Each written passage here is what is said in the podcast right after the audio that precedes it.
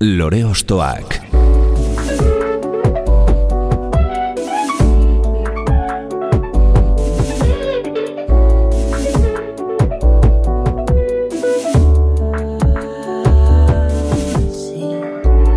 Ekain perezek aurkeztuta, gonbidatu bakoitza lore bat balitz bezala ostokatuko dugu. Jakiteko, zeintzuk diren bere lore ostoak. Haupa, zer moduz, ongietorri lore ostoakera. Artearen garrantzia aldarrikatuz elkartutako sortzaile talde baten ordezkari moduan etorri dira gaur gurera, Arkaitz Kano idazle lasartearra eta Rafa Rueda musikari mungiarra. Zart izena du, izan badenaz gain ez dena argi uzten duen kolektibo honek. Ez da diskoetxe bat, ez argitaletxe bat, ez ekoiztetxe bat, Ez da asmakizun bat ere, eh? sormen arlo ezberdinen artean dauden zirrikituak miatzeko sortzaileen auzolantegi bat baizik. Eta idei horren gerizpean sortu dute, elkar provokatu, inspiratu, zirikatu, kritikatu eta babestuz loti errena izeneko diskoa. Soinuaren eta hitzaren arteko harreman horretan sakondu nahi dugu gaurko atalean. Hau, lore ostoak da, eta gaurko gure lorea, zart kolektiboa eta loti errena. Inoiz ezin guztiz geatu, inoiz ezin guztiz joan. Nere gerdi bat esna dago, nere beste erdian. Nere baitan musika dago, nere baitan itzan dana estropazu egiten babet. Nere bihotza babesteko, amegetxetan Eroitzen aiz amegetxetan Ametxetan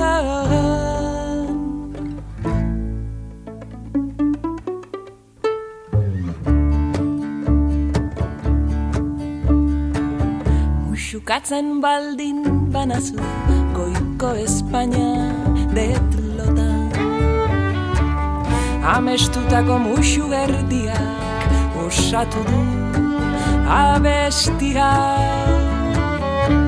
Kantuan ari naizela ez eta asmatu erdi zerretan zure belarritik sartu eta gira bueltari gira bueltan. Zure baitan musika dago zure baitan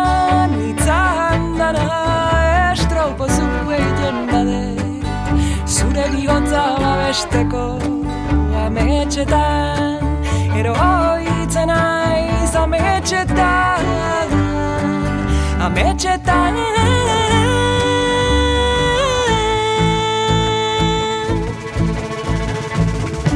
Txori batek esan di Pasako zaitela. Pasatzen dan bitartian Zirte do zart, zirte do zart, zirte do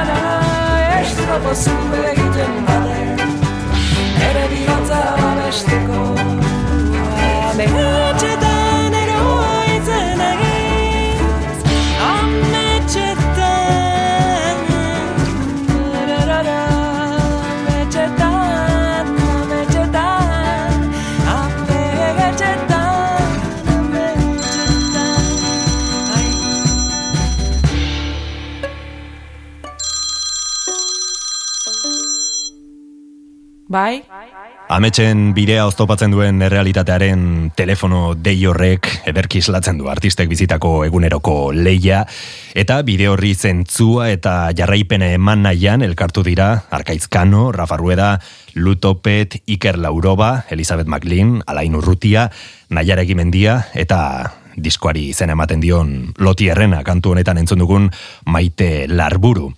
Gure handira, esan bezala, Arkaizkano eta Rafa Rueda, ongi etorri? Mila esker, ongi etorri bai. Tira, saiatu naiz azaltzen zer den eta zer ez den zart kolektiboa, baina oraindik zalantzaren bat edo beste geratzen zait, beraz, nortuko beto zuek baino, duda horiek e, usatzeko, saguzue, zer da zart?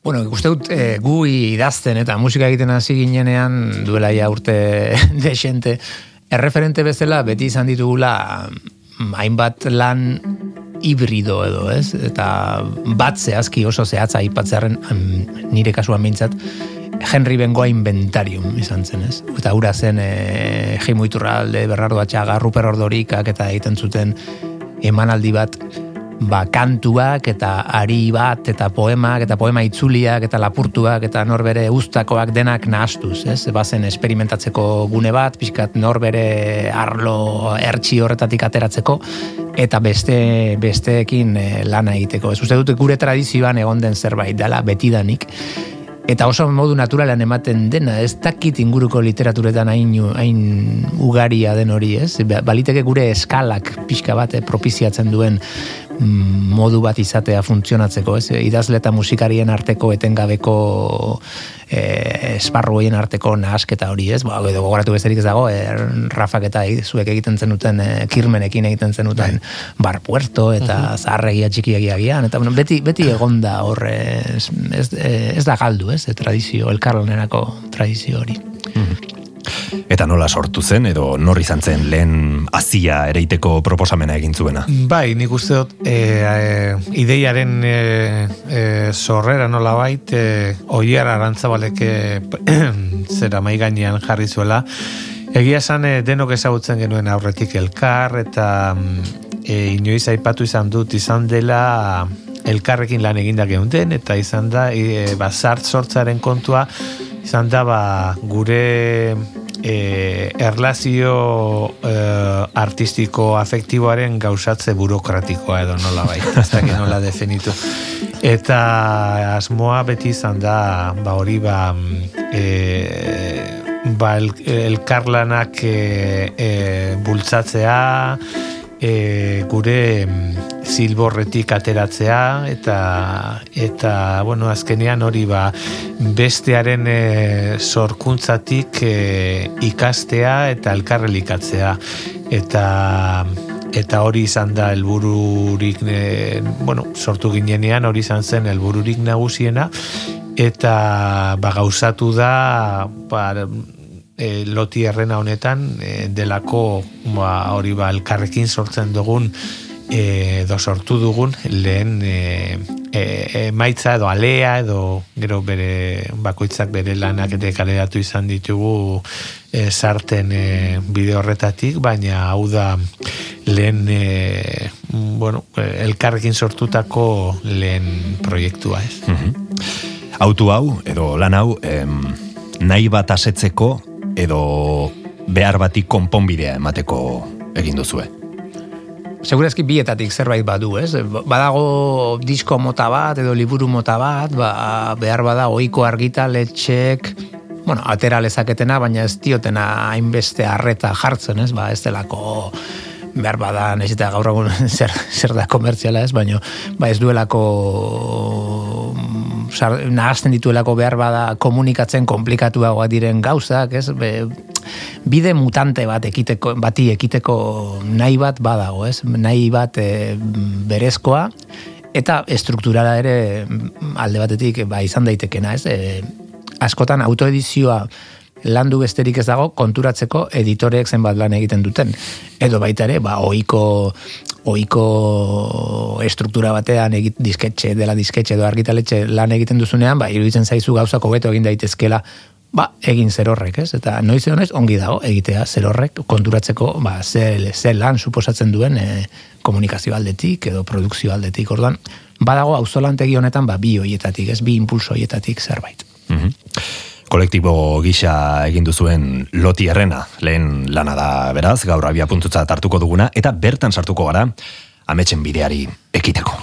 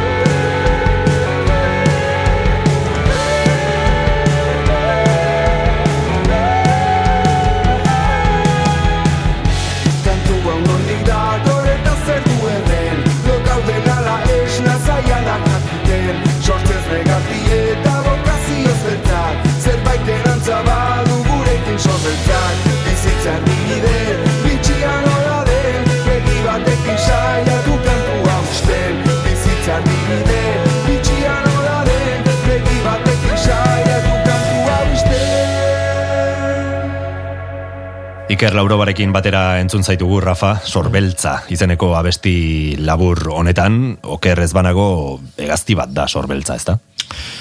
Bai, gainera nahiko e, ezaugarri bereziak e, dituena, arkaitzek e, kontatuko duen bezala. Ez? bai, ba, best- Hori, ze, ze hitzak zuk bai, bai, dira, bai, ez? bai, ba, besteak beste sorbeltzak eh, airean eh, lo egiten du, enen bitartean egan jarraitzen du. Ai, ba. Badalako piloto automatiko moduko bat hori egin Bai, ikerrek aipatzen du hori hitzan, ez? Bai. E, bere zatian, baino, Bai. bueno, nik pentsatzen nuen, ba, metafora, bat, edo bai. metafora bat. Idazlearen baina- ateraldia zela, Hori da, baina, baina. baina kasu honetan. Horrela da, bai, eh? Horrela da, bai, bai. Bueno, hori oso deigarri egin zitzaidan. Kopla sosegatu batzuk eh, izango zirelakoan, bidali nuen nik eh, letra hori, baina gero ba, ikerrek eh, egundoko gira eman zion, ez? Eta hori da, hain zuzen ere, zarten funtsa uste dut. Nik ustez, kopla batzuk idatzi eh, folki moduan abez ditzaten, eta bueltan hau jasotzea. Gero ea zer ateratzen den hortik, ez? Hori da, edar. Aha, eta ideia horrekin, em, lotan egan egitearekin, mm, zer nahi zenuten esan, edo zer dago eh, kantu honen atzean, ba, sorbeltza ipatzeaz gain.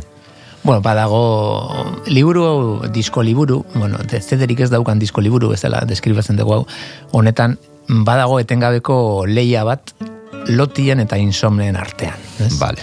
Eta mm, deno kokatzen gara bataren edo bestearen, momentu batean batean edo bestean kokatzen gara, ez gara beti loti edo beti insomne, baina e, artisten artean gain hartzen du gehienetan oro har okerrezpanago, e, nire ustez, insomneen e, mitifikazio horrek esatea, ah, atormentatuak gara, beraz ezin dugu lorik egin, beraz gauez sortzen dugu, beraz eta bar, ez, bueno, topiko handi bat dena, baina e, literatura asko dago horren inguruan.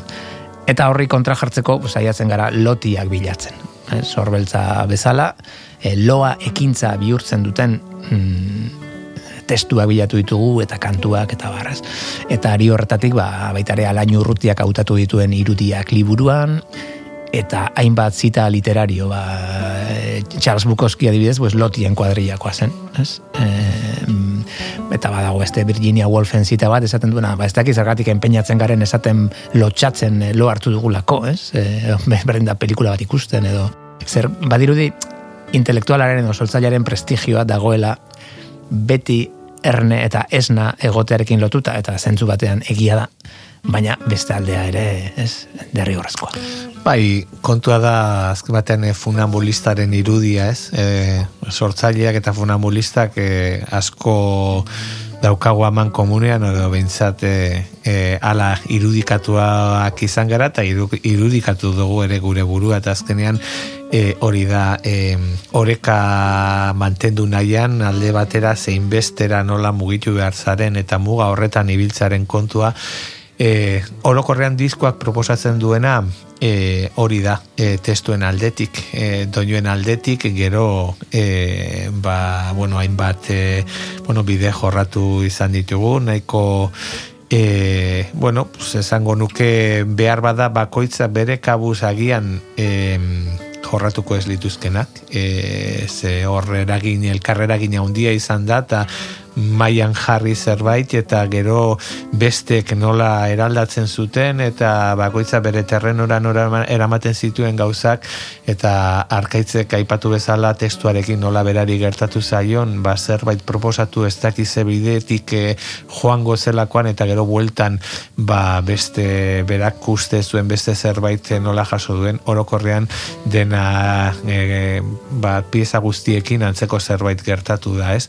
Hori ere ba, ba hori ba, diskoan e, diskoaren edo disko liburua edo libur, paperezko liburuaren ezaugarri eta baita ere gure egitasmo honen e, helburuetako bat ere izan da. Eta elkarlan horretan nola izan da e, diskoa grabatzeko prozesua? Denak elkartu zineten estudio batean edo ez zatikatzen joan zarete?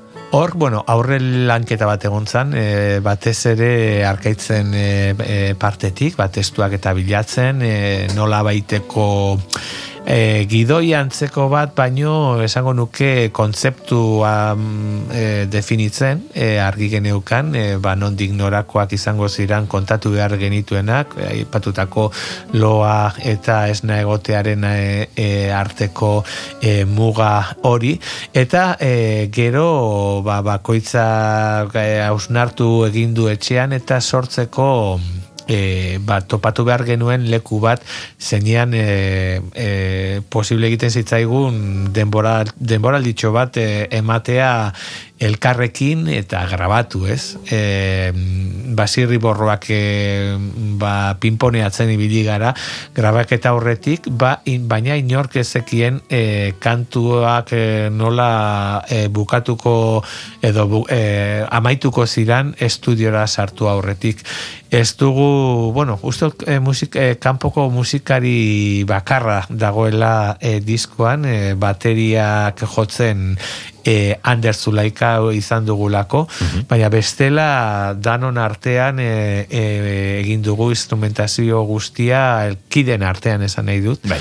Eta hori izan zen, e, ba, testuak aukeratu, arkaitze proposatutakoak, bakoitzak e, ba, proposenak ikusten zituenak, eta hortik e, ba, sortu eta gero e, maigainean jarri e, grabatu aurretik, kan estudioan bertan, iaia erdi improvisatuta, eta kantu bakoitza bere ibilbidea edo norabidea hartuta, ez? Mhm. Aipatu bezala album hau ez da soilik musikalan bat, soinu eta hitz festa baizik eta horren adibide da honako hau. musika altutxo dago. Musika hemen kasik altutxo dago. Balkoian berriz egoa zakarrago. Jendea bada algaraz non nahi, lema bakarra, ik jai eta nik jai alai.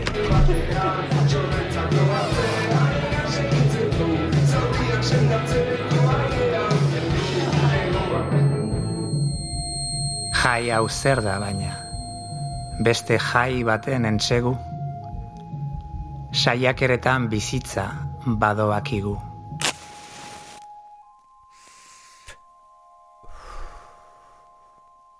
Haien txisteak baino hobeak ez aldakizkigu. ondoko gelan festa beti hobea denez. Bi lekutan egon ezinaren ezinez, zer diozu? Zer diozu? Ies egingo du. Aurkeztu dizkidaten amaika eta gehiago horien izena seko ahaztuta nago. Jende guapo, jende interesgarria, asetzen ez duena nire egarria. Zure begiak nire hitzen testigu, nire begiek zure xuxurlak bildu. Logure naiz. Zer diozu? Azken hartuta hanka egingo dugu? Ozkailua garagardoz lepo, lurrin goxoenak itzikatzeko bainu ontzia, sagardo botilaz enpo. Edukazio txarrekoa ote, bilakatu aurretik arlote jaka gakotik hartuta zorte honik inori opagabe, festa guztea. Eman amar minutu. Itxarongo diazu eraikin atzean? Isil isilik itxiz atea, eskailerak oinutxi jaistea, zapatak eskutan hartuta, oin batean nire galtzerdia bestean zurea, lurrun eta ke bihurtzea, festatik urrundu, asfaltuan urtu.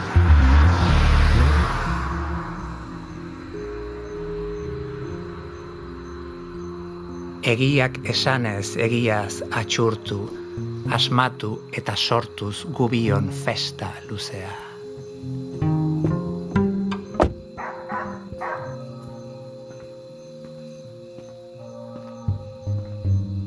Logure naiz ni ere, esnatu nahi nuke zure oantzean. Lau galtzerdi aulkian zintzilik, lau begien aurrean, musika guztiak isiltzea. Musika altutxo dago izeneko pieza honek arkaitzkanoren sinadura darama eta festa giro batean bere leku harrapatu nahian dabilen norbaiten introspekziozko eh, gogoeta batzuetara garamatzala esango nuke, horrela da? Edo... Bai, holako zerbait da, ba, pixka bat poema ezten, baina izan daitekeen, baina erritmo bat duen, eta bueno, horreko esperientzia esperimentuak egiteko lekua zen, ez? Eta hau da hoietako bat, ba, nola baite denok sentitu duguna momenturen batean, festa batetik alde egiteko gogoa, edo nekea, edo edo ondoko gelan dagoen eh, arekin beti pentsatzen dugu on, festarik onena ondo, ondoko egiten dutela, ez da gu kanpoan gaudela, eta badago horretatik zerbait ere hor. Mhm. Benetan festagiroan edo festagiro baten ostean idatzi zenuen edo noizekin ohi dituzu horrelako ariketak. Ez, ez, hori idatzita dago bizi, bizilagunen hots konfesagarri eta konfesa ezinen Ah, vale. entzunaldien ondoren. Beraz horrek inspiraziorako ere balio du, eh, pentsa. Amorragarria da horma oso meheak dituzten etxeetan bizitzea, baina gero bere mendeku txikiak ere bakartzen. idazle bezala aurkeztu zaitut edo aurkeztu hori zaituzte, e, kontzeptu horren atzean, ba, gorde daitezken arlo guztiak e, bateratzen dituen hitza izan daitekelako, ez? Eroso sentitzen zara, deitura horrekin edo e, nola definitzen duzu zure burua? Ni erosoen ba, idazle bezala nago. Ba, iruditzen zaite ja mm, poeta gidoilari, ez dakit eh, hainbat eh, azpi genero daude hor, baina uste dute poeta poeta poetak eh, osea, amagi, amagin arrebaren etxean poetatzat bere burua aurkeztu dezaketenak oso gutxi direla. Eta idazlea berriz, bueno, askoz ere manejableagoa iruditzen zait. Musika altutxa dago, honetan, eta baita beste pieza batzuetan ere entzun daitezke e, bizitzako egoera edo giro ezberdinak berregiteko soinu efektuak, eta pentsatzen dut, oiararan zabal, e, lutopet gisa kolektiboko kide izanik, ulumeriaren laguntza izan duzuela horretarako, ez? Bai, e, bere mm, edo e, ondo kontrolatzen duen gauzetako bat da. Eta asmoa zan ere, ba, bueno, podcastaren estetika hori ere ba, diskoan islatzea oso egokia iruditzen zitzaigun nolabait e, hori, ba, disiplina ezberdinen arteko uztarketa ontarako ere ba, baliatzea e, hortaz eta eta bera izan da pixkat arlo hori ba, mai gainean jarri izan duena, ez? Horrek lanari beste dimentsio bat ematen dio, ez? Hau da, ez da oikoena mm, album musikal bat ez da, baina bueno, diskoa entzuten astentzarenean e, giroiek sortzea, ez? Ez, ez soilik e, doinu aldetik, baizik eta soinuak ba, bizipen horiek transmititzea, ez? Bai, azkenean e, proposatzen danak badu ere zerikusia bidai batekin nola baite eta, eta asko laguntzen du e, girotzeko eta normalean e, bueno, gerota urriagoak dira e, musika gintzan behintzat lan kontzeptualak, ez? E, zeinean e, hasi eta bukatu arte, ba, bueno, gionizatuak, edo ez dakit nola esan, e, ari bat jarraitzen dutenak, eta kasu hontan, e, ba, bueno, oso egokia iruditzen zitzaigun, eta gainera ematen dio beste hori, e, aipatutako hori dimentsio bat, ez? E, zeinean hitzak, e, deklamazioak, e, dialogoek ere baduten presentzia handia kantuekin batera e, hori guztia e, ba, bueno, efektu ez eta podcast gintzan erabiltzen dianan bat baliabidekin e, jantzita ba, lanari e, osotasun edo borobiltasun hori e, eman, ematen zioten, ez? Lore Ostoak.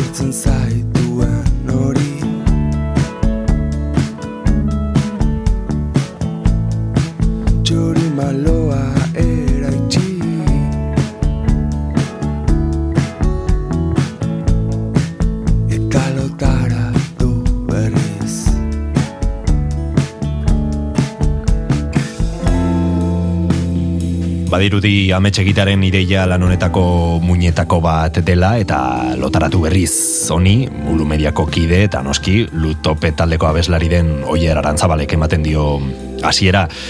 Lo egin gabe esna egindako ametsak izan ohi dira ederrenak, ez? E, ametsekin ametsegitea lutopete kabestu bezala. Bai, e, alaxe da. Uste testu hau berak idatzi zuela. Bai, eh? berak, bai. berak idatzi zuen erdi- erdia, eta gero niri bidale nekatu zenean, eta orduan e, e, beste bi apaldi erantxin izkionik, eta badago beste apaldi apaldi bat berak abesten ez duena, baina e, liburuzkan jasota dagoena, ez? Hori da beste ezaugarrietako bat. Badaude olako despistera jokatzen duten keinutxoak. Ez beti liburuan dauden testuak abestietan daude, eta ez beti daude abestietan testuan dauden modu berean. Beraz, bilaketa hor komplikatu daiteke, ez? Norbaitek hitzak eh, ikusi nahi baditu, mm, Bai, da, imaginatu egin behar du, edo da- amestu egin behar ditu hor ere. E, hori da jo- jolasaren parte da, ez? Ez dato, ez dato ohituta gaude, ba, libretoetan dagoena bat etortzea gero abesten denarekin, hemen ez da beti horrela gertatzen. Eta badaude beste bi edo hiru testu, ba, kantu izateko bokazioarekin jaio zirenak, baina hor ume zurtz geratu direnak, ba, norbaitek eh, musikatu nahi balitu. Begira. Bai, gero kantu hau e, egia esan orokorrean e, grabazioan hainbat e, momentuetan gertatutako e, zerak momentuak edo e, izan dira ba ez, bueno, ez, gen, ez genekien nondik e, e, am, irten ziteken e, kantua, ez? Hartu eta gitarra eta hotxa sartu eta hemen, e, ez zen edotor e, pues, gitarra batzuk daude, bajuak, e, bateriak, baina e, ez dago e, aldez aurretik egozia baizik eta momentuan e, estudioan, ez? Eta e, ba oso deigar, deigarria edo ez dakit e, hitz, hitz egokiena den, baina e, zein errez e, kantu bakoitzak edo pieza bakoitzak aurkitu duen e, bidea, ez?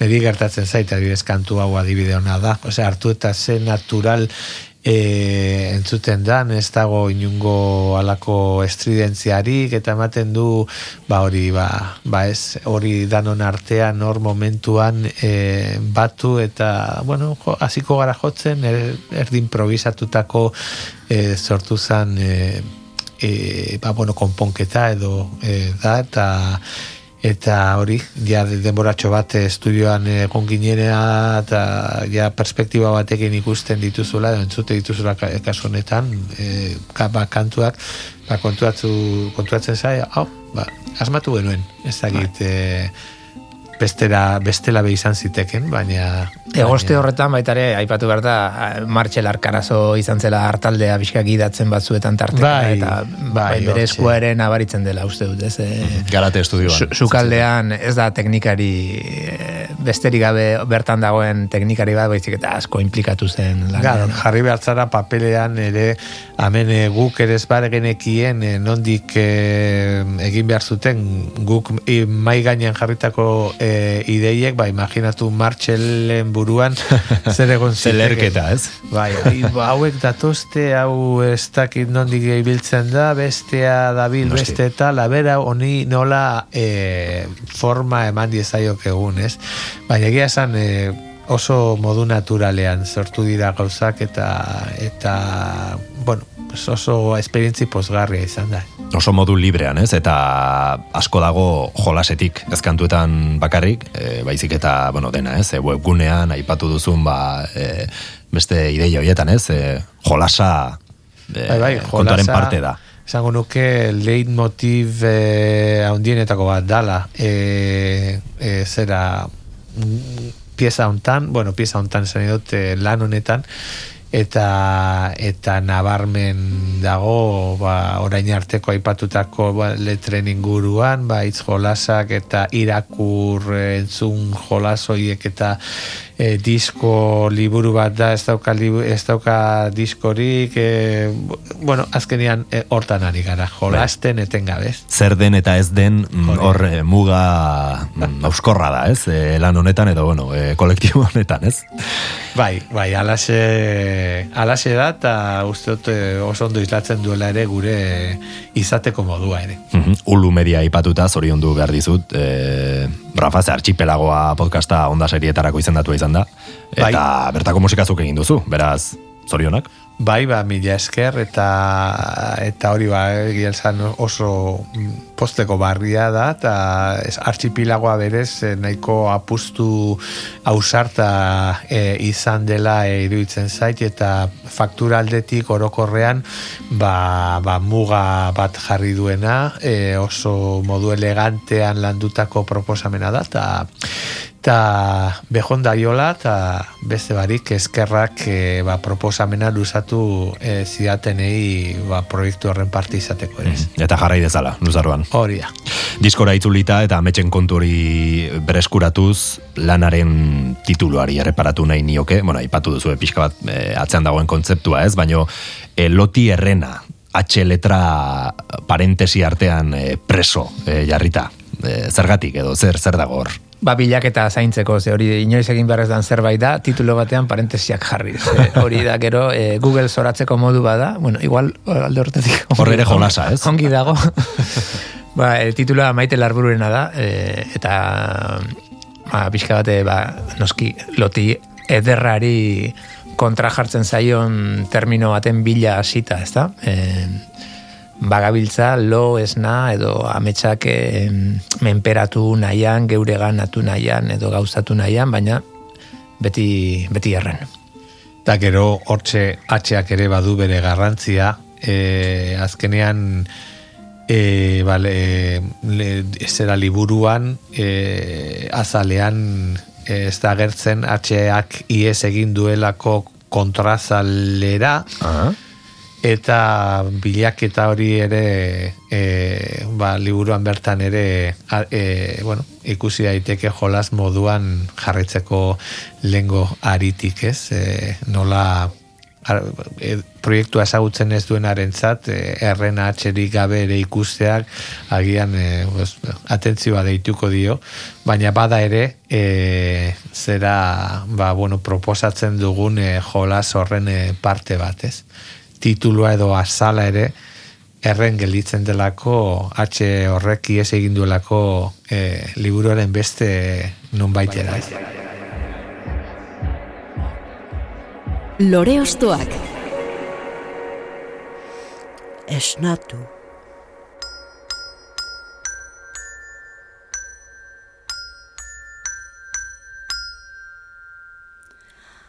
Ametsetatik atera zaite zeguna argi ikustera. Etorri zara, zelako ikuskizuna. Eguna zuria da, zurea ta zuria, zuri urdinska. Amak eskaintzera ekarria esne bezala. Ametsak hunegin dira jada, baina gogora unetxo hauek agindua. Esneagatik abestu dizula amak. Esnatu, esnatu. Eguna argi ikusteko esnatu igara egunero ametsetatik, oroitzen ditugune amentzatzen iri gaueko amets hori esegituan azten zaizkit. Baina, bueno, hori beste kontu bat da. Elizabeth McLean aipatu behar dugu. Bera baita esnatu honetan entzun duguna, New Yorkeko euskera berezi horretan. Nor da Elizabeth McLean eta nolatan bukatu du zuen artean eta lan honetan. Bueno, Elizabeth McLean bada benetako poeta. Bera bai, esan liteke dela, ez? Poeta, idazle, e, euskera zein, zein inglesez idazle aparta, eta gainera ze ondo irakurtzen dituen poemak. Eh? Estudioan elkartu ginenean, egon ziren hainbat eh, momentu magiko, eta ia beti Elizabeth eh, present zegoen, ez da? Bueno, Elizabetek euskal literatura ai, asko itzuli du, ingelesera, itzuli ditu kirmenen lanak, nireak bakarren bat ere bai, eta baita ere aspaldi, aspaldi ezagutzen genuen. Orduan e, guretzate placer bada Elizabeth esnaraztea Skype bidez egiten ditugun bileratan New Yorken beti sei ordu gutxiago izaten baitira. Egia. Eta tokatzen zaio talde honetan gehien goizen esnatu behar izaten duena izatea. Mhm, Hor, loaren eta esnegotearen arteko kontzeptu hori Berako sondez, ez urmamitzen du. Zart kolektiboaren parte da beraz, Elizabeth, baina loti errena diskoan zaudeten artistetatik aratago doa zart, ezta? Hau da, e, beste hainbat musikari edo idazle daude, sare horren baitan.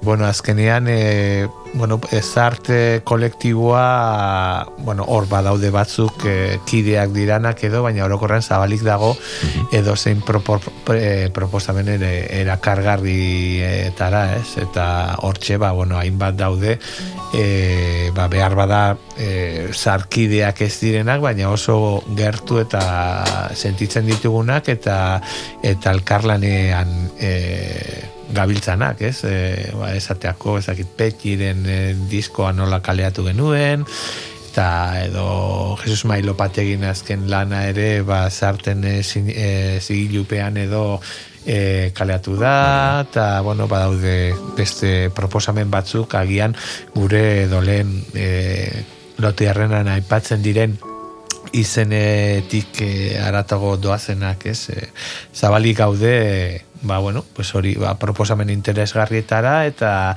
gure e, izaera aberaztuko duen edo zertara, ez? Sare hori handitzea edo sendotzea da helburua, ez ez da em, sare estatiko bat. Ez, ez, ez, e, sare estatikoak e, e, hautsa artean, baino ez dira existitzen. Gurea, e, zera, esango nuke parapente bat dala, zarea baino. Bai, bai. E, Sorbeltzak bezala egan low, low cost xamarra, baina, baina, baina, bai, da, gu- gure albide mugatuak direlako esan nahi dut, ez, ez daukagu e, egitura haundi bat, beraz, baina bai, talde, taldea irekia dago proposamenetara, eta ba, orbita, orbitan dabilen jende ezberdina dago, eta egongo da, ez, ez da, ez gara talde finko-finkoa ere. Mhm, Bai, ze horrek eh, sorkuntza lanaz gain eh, gestio lanare eskatzen du. E, nork betetzen du funtzio hori edo... Bai, bueno, azkenean e, hor moldatzen gara aldugun moduan, ez? Ez gara hori bale zuk hasieran aipatu bezala, ez gara zigilu bat, ez gara disketxe bat, ez gara ez dakiz zer, e, baina aldi berean ere ba, sortzen ditugu e, e, bueno, lanak edo, edo proposamenak ba, nola baiteko alako e, beharrak dituztenak, ez? Hor e, ba, bueno, ba, e, ba, moldatzen gara. Egia esan danon artean e, ba, promozio kontuak edo adibidez ba, bueno, nahiara dabil hortan e, hor, aditua da eta, eta bueno, bestelakoetan pues, bakoitzak alduena egiten du e, e, eta saiatzen gara ere ba, bueno, behintzat gure kasuan e, mai gainean jartzen ditugun e, proposamenetan ba, ba, aldugun neurrian edo eman dezakeguna ere e, hortxe jartzen, ez? Ez da e, ez dugu delegatzen bakarrik persona batengan e, lan guztia alde horretatik, e, baizik eta hartzen ditugu alditugun lanak e, ere gure gain, e, proiektuaren beharraren arabera, ez? Jarrai dezagun ba, loti errena eta zart kolektiboa ostokatzen.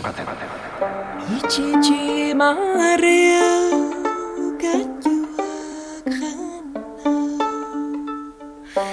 Chichi Mario Kachuachana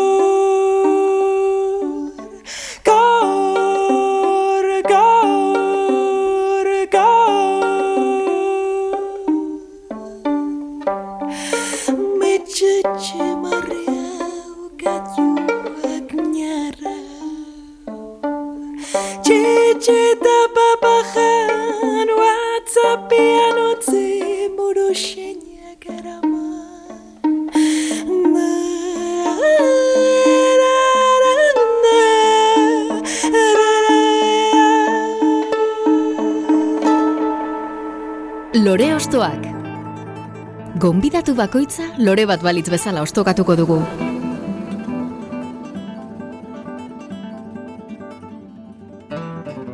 Maite larbururen ahotsean entzun dugu Michichi Marriau, loti errena laneko abestia. Diskoa grabatzeko prozesuaz hitz egin dugu eta sorkuntzaz e, zertxo bai tere bai.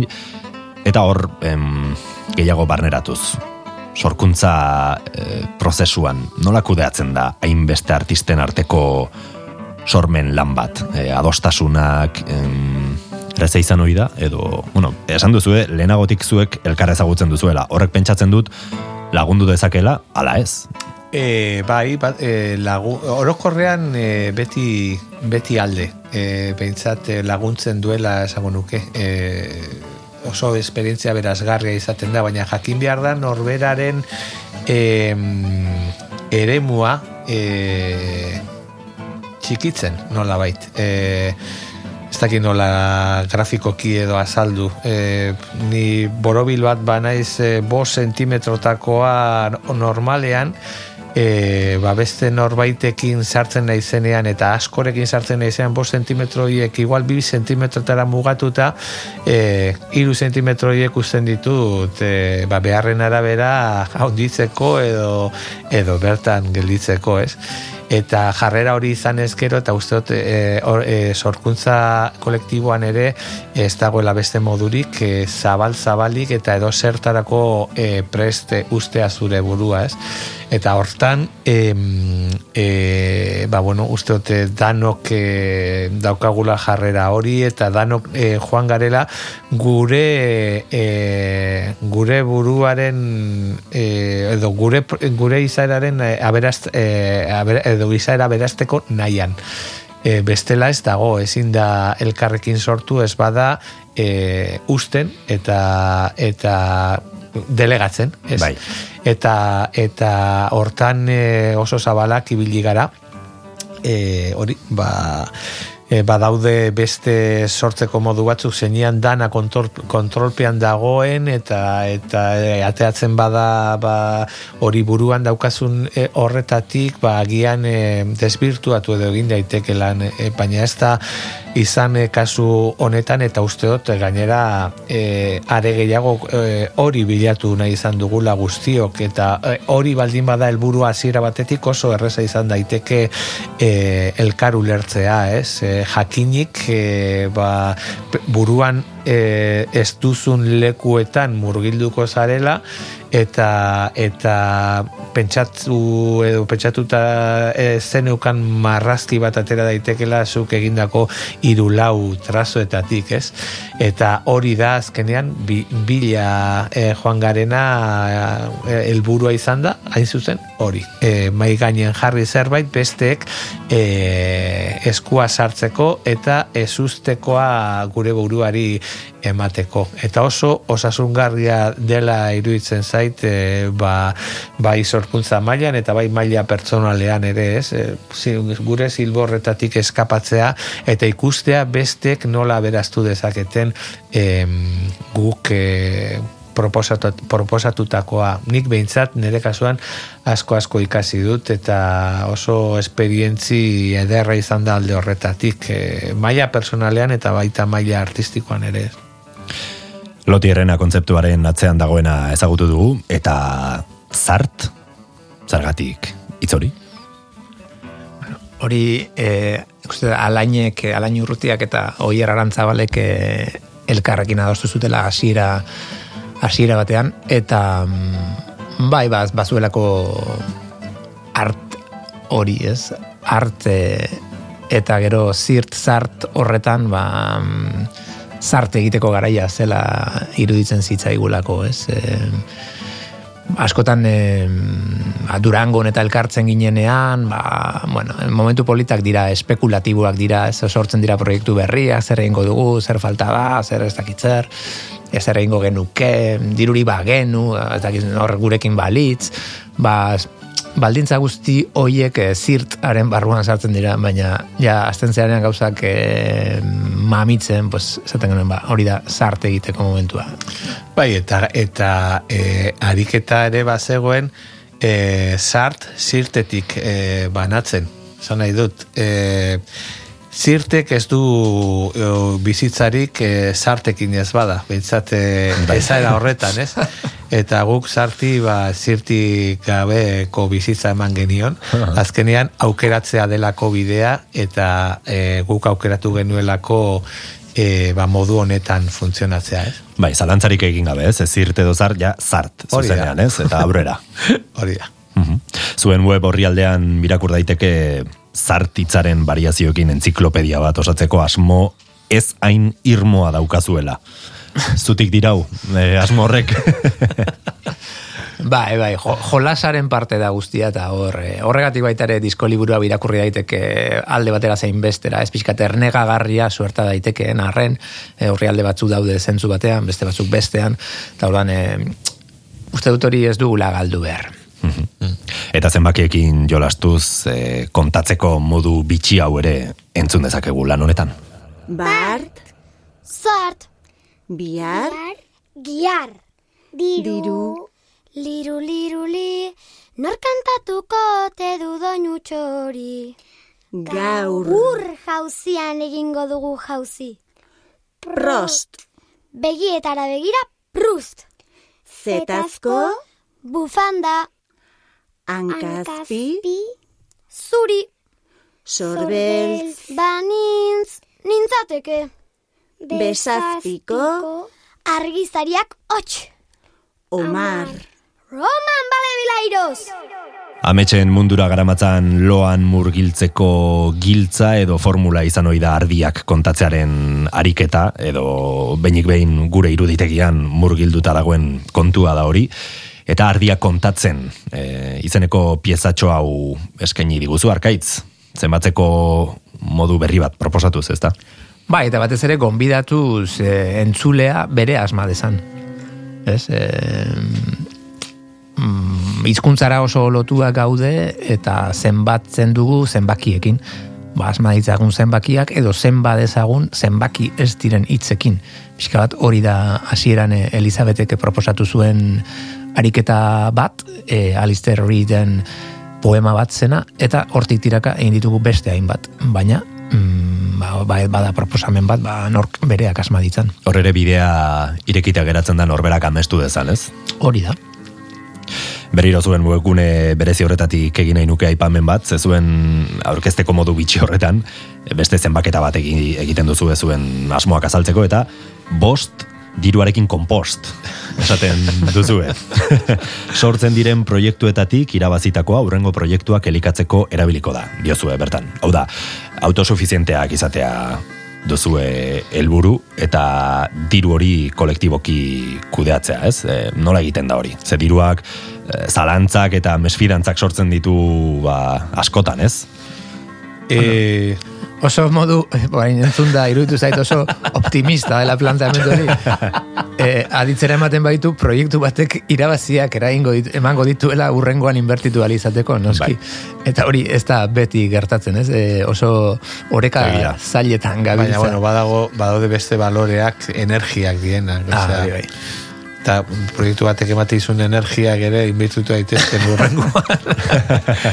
ez, ba, bueno, azkenian e, hori ba, e, bueno, funtzionatzeko modu bat ez da ez, ez dugu guk asmatu eta bueno, Bai. hemen e, hainbat e, e, jendeak e, proposatzen duen e, gauza bat da e, bueno, pues, hori ba, mm, lan bat sortu eta etekinik balego e, ba, ba, bueno, inbertitu e, ba, horrengoetan edo agian etekinik ema- ematen ez duen e, lanetan, baina interesgarriak iruditzen zaizkigunak, ez? E, bueno, azkenean da hori e, autosuficientzia funtzionatzeko modu bat e, ez da nabatere bueno mm, lurtarrak bihurtuta edo hankak lurrean ez da oso ez da modu erreza bere zailtasunak eta hundiak ditu baina bueno prin- printzipioz e, funtzionatzeko modu horrekin e, e, sortu ginean eta eta ala gabiltza e, eta jarraitzeko asmoakin karo Mhm. Dirua aipatu dugu eta diruaren atzean egon ohi dira askotan gerrak, eriotzak, zapalkuntzak eta diktadoreak.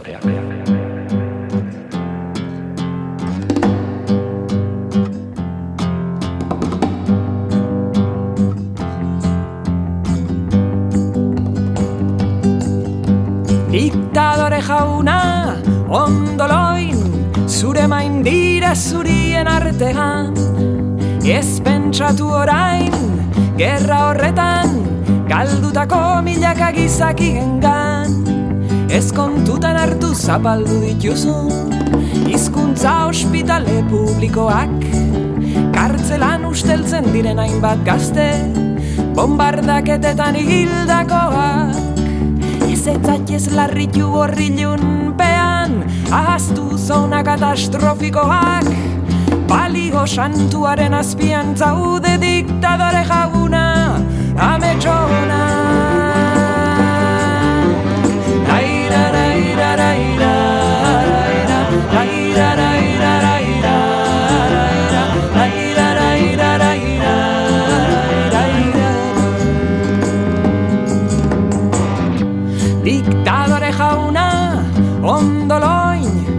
Kristau zintzoen modu virginalegan.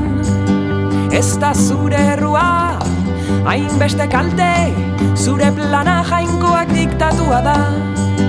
Ez kontutan hartu zapaldu dituzun, puta artista alper homoseksualak, bidean erori diren gudariak, lubaki tristen alde bietan. Ez etzat jezikaratu gau beltzean, hartu non lasai zure palazioan. Etxaia eulis istrin bat baino ez da diktadore jauna, ametxona.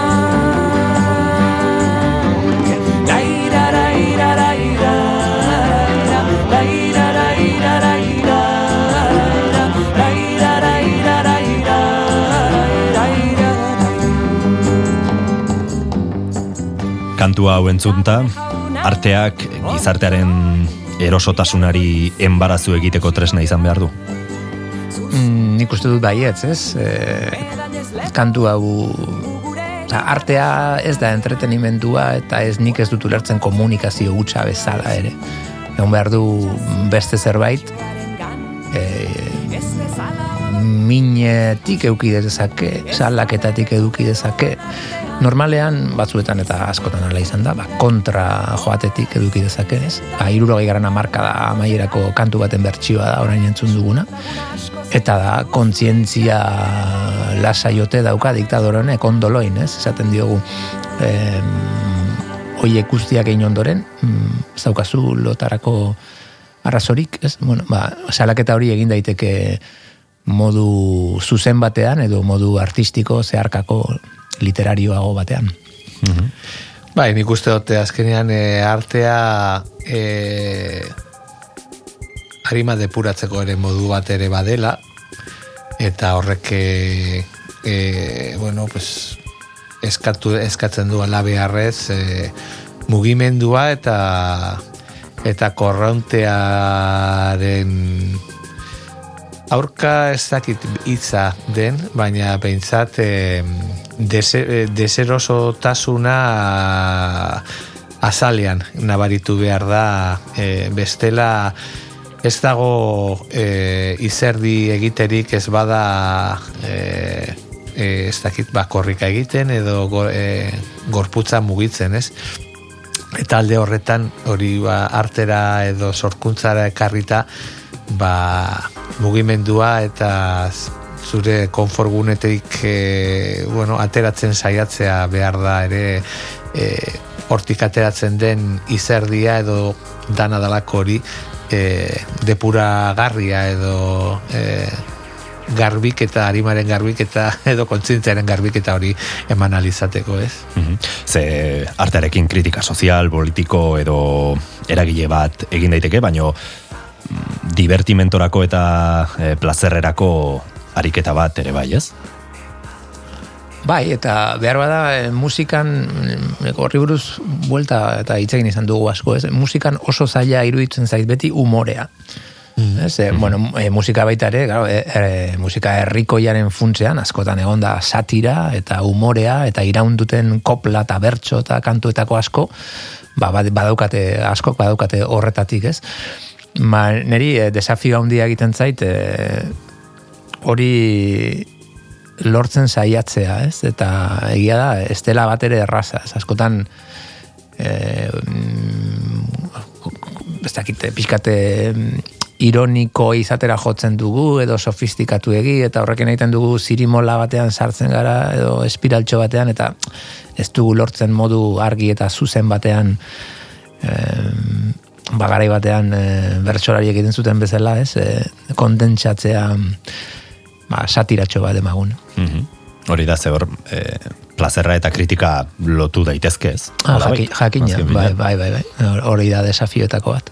Bai, bai, azkenean e, e, hori da e, zure, bueno, kritika modu gozagarri batean e, kanalizatzearen e, kontuan datza, azken batean e, sorkuntzaren plazerra, ez? Diktadore jauna kantuan entzun dugu, beste behin maite larbururen ahotsa eta orain arkaitzek idatzi eta rafak abesturiko pieza bat entzungo dugu.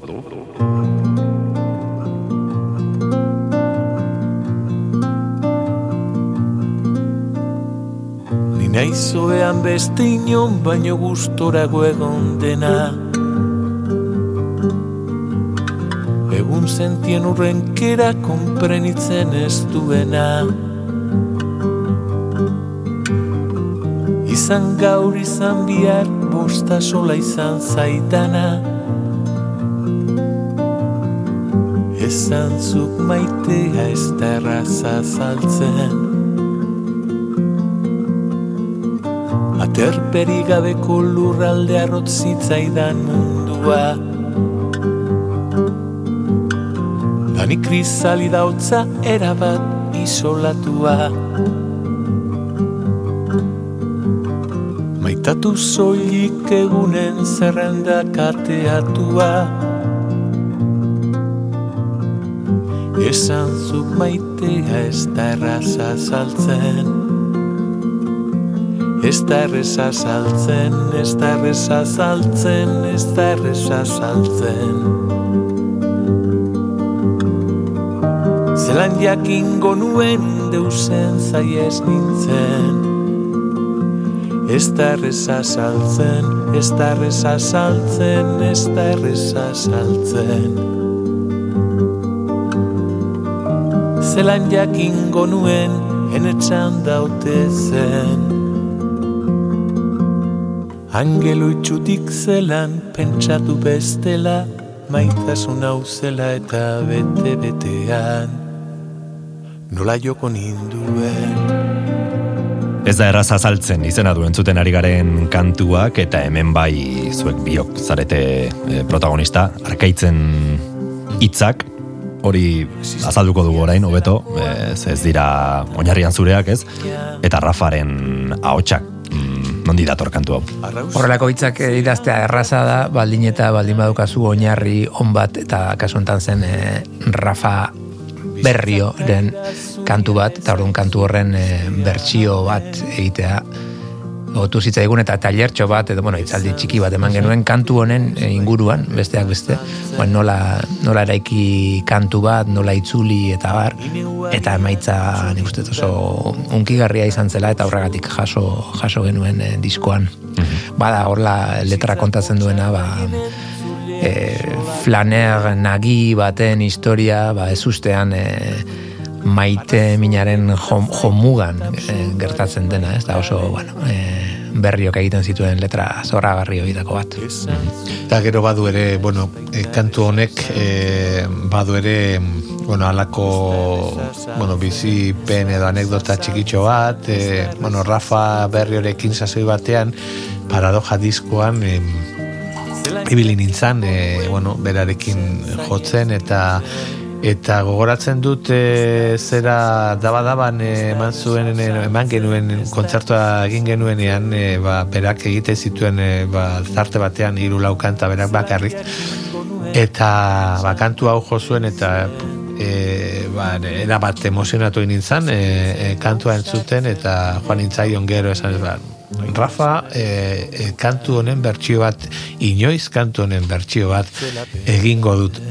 Eta berak bueno, kriston barreak eta bota zituen eta esan ez hola bere hitz egiteko modu zera horrekin. Bai, ba, kantu honek e, ba, nola eta segulako letra korapiloa du eta eta ez dakiz zer eta bueno, pues kontua da hori ba e, tokatu zitzaigula behin e, ba bere Rafa Berrioren inguruan e, arkaitzek eta bioi ba alako zera e, manalditxo bat egitea eta arkaitzek itzuli egin zuen e, kantu hau eta eta bueno ba egia esan netzat e, Berrioren kantu kutunetako bat e, e, zan eta kantua azten da hori ba e, ni naiz oean beste inor baino gustorago egon dena eta oso lotua zegoen ba, e, gure e, loti errenaren e, ba, esnatu barriko sensazio hori eta bueno, bazeukan lekua lekutxoa eta aukeratu genuen ere ba, diskoan sartzeko ez. Eta promesa hori en, bai, bai, bete zenuen, bide ez? batez e, hori ba, balioz e, e, egin zait ere ba, e, orduko promesa hori ere betetzeko ez. Mhm. e, itzulpen lana beraz zuk egin duzu arkaitz, hori ere arte bat da, ez? E, itzul, itzulpenaren lana, ze, bueno, gauza bada kantua mm, esan nahia itzultzea, baina, Hmm. claro, e, ez da hori bakarrik, ez? E, sonoritatea, e, kantuaren melodian ondo geratzea, mm, hori ere, ba, bere lanketa darama horrek.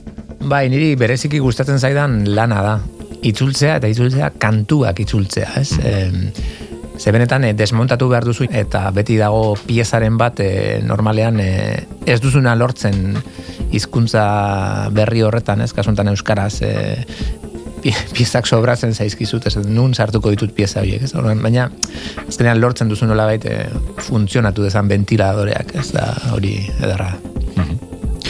arteak zer izan behar lukeen aipatu dugu lehen, edo bueno, zer iruditzen zaigun, eta ez da erraza azaltzen. Entzun da, horixe izan daiteke ez, egunerokoan azaltzen erraza ez den hori, mm, doinu, marrazki edo hitzen bitartez azaltzen saiatzea. Bai, sosegu, batzuetan sosegua ere bada, ez? Hemen guk ematen ditugun kantuetan esaten dugu, bueno, hauek batzuk zehazka kantuak dira, beste batzuk esnatzeko kantuak dira. Ze hasierako idea hori zen, bi disko ateratzea. Bai, esnatzeko eta esaten genuen, ba, lotarako disko asko daude. Zehazka kantu bilduma asko daude, baina esnatzeko kantuak ez daude hainbeste. Lotarako dugu disko bikoitz bat.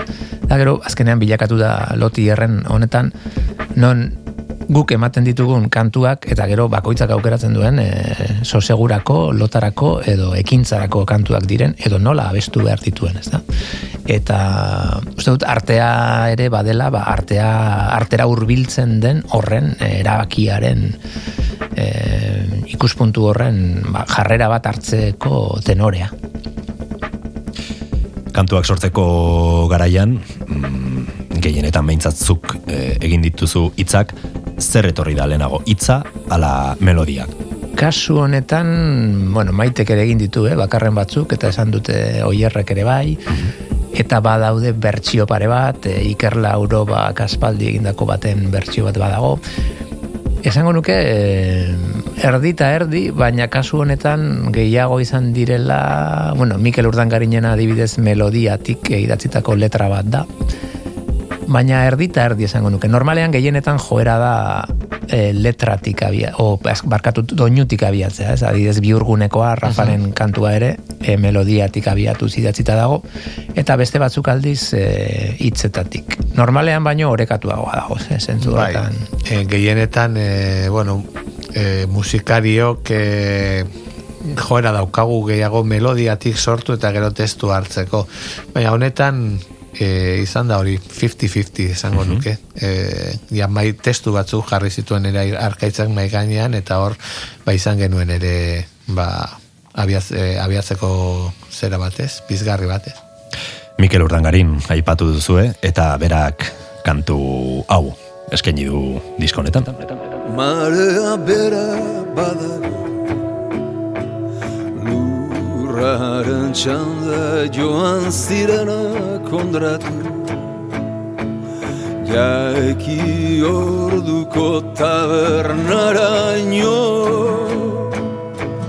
Kontu zarrak berri zantzuteko. Kontu zarrak aldiro ezberdin berriro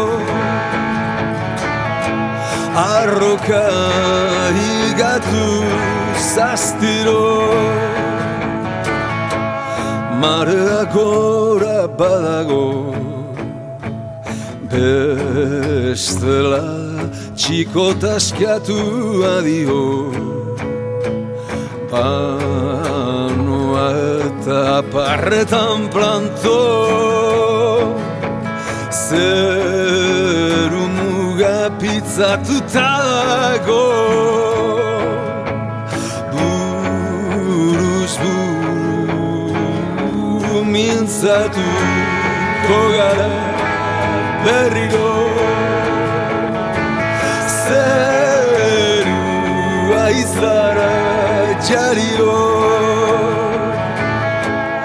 Olatuak lehen badato Zerua izar jario izeneko kantu honetan entzun dugu Mikel Urdangarinen ahotsa, kolektibo honetako beste artista puska bat, eta ondo ezagutzen duzuen musikaria, ze zu Rafa bere gitarra jole bezala ibilio izara gaur egun ezta? Bai, em, ja dira urte batzuk, e, bueno, elkarrekin e, e, lanean hasi ginena, eta bai, e, zargia txikiegia e, lan horretatik, e, bi mila, eta ez dakit lau bost edo izan zen, ba hortxe jarraitzen dut ere bere e, musikari moduan lanean eta eta bai bai lagun naudia gara.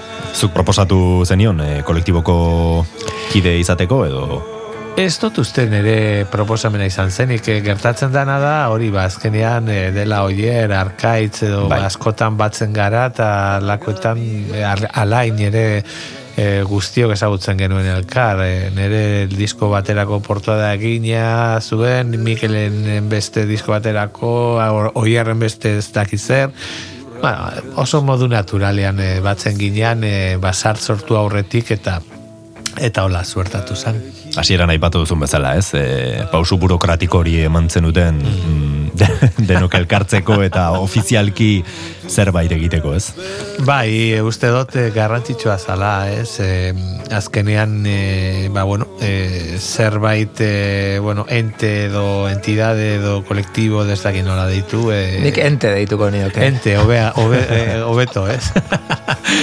e, bai, bai, behartzan e, e, ba, forma ematea, gauzatzea eta eta bueno, pues, e, martxan jartzea, ez? Eta bueno, bai, esan pozik, e, mandako pausu horrekin eta eta bueno, aber e, bizitza luzea duen. Baiz, aurrerantzean, ze asmo dituzue zart e, moduan. Lotierrena moduko beste disko bat egitea bideragarria da, edo, edo hau ez da errepikatuko. Hau da, denok elkarrekin lan bat osatzea. Bai, ez modu honetara, baina beste moduren batera bai, ez orain buruan, buruan darabilguna da, nola bai, lotierrenaren mutazio bat zuzenekora eraman ote daiteken pentsatzea. Bai, hori galdetu behar Ez zehazki diskoa dagoen bezala edo, baizik eta, bueno, ba, bertatik gauza batzuk hartu eta bideak erakusten digunaren arabera beste zerbait. Polita izango litzateke planteatu duzuen jolas hori zuzenekora ematea, ez? Eta modu batera edo bestea, ba, ba, e, publikoari jolasteko aukera hori ematea, mm, ez soilik kontzertu musikal bat izanik baizik eta hortik aratago joan, ez? ez? Hori da, erronka azkenean, eta baita ere, bueno, gure asmoare, zuzenekora begira sor, eh, ba, lanak ere sortzea da, eta hau izan daiteke bat, eta eta hurrengo pausua eh, hori uste dut airkaitzek esan duen bezala, ba, hau eh, hori ba, eh, paperezko disko hortatik eh, taula gainera e, eramatea izango litzateke. Ez daukagu e, data konkreturik, baina agian 2023 hontan izan daiteke edo urrengo urtean, baina hortan gabiltza e, forma ematen horri ez. Behar ditugu zalantzari gabe horrelako proposamen eta ekimenak. Rafa Rueda eta Arkaitz Kano iritsi gara gaurko atal honen amaierara, neskerik asko gure gonbidapena onartzegatik, eta zart kolektiboa naiz loti errena mm, ostokatzen laguntzeagatik, ondo izan eta beste bat arte. Berdin plazer bat izan da. Mila esker, bai. Eta zuretzako entzule besterik ez, eskerak eman gurekin beste alde horretan egoteagatik eta urrengo atalean elkartuko gara berriz. Zerua izar jario entzunez bagoaz, ondo izan eta urren arte. Zerua izara jario Inor ez da guri zo Zerua diario. Kantuak egia dio tanabiga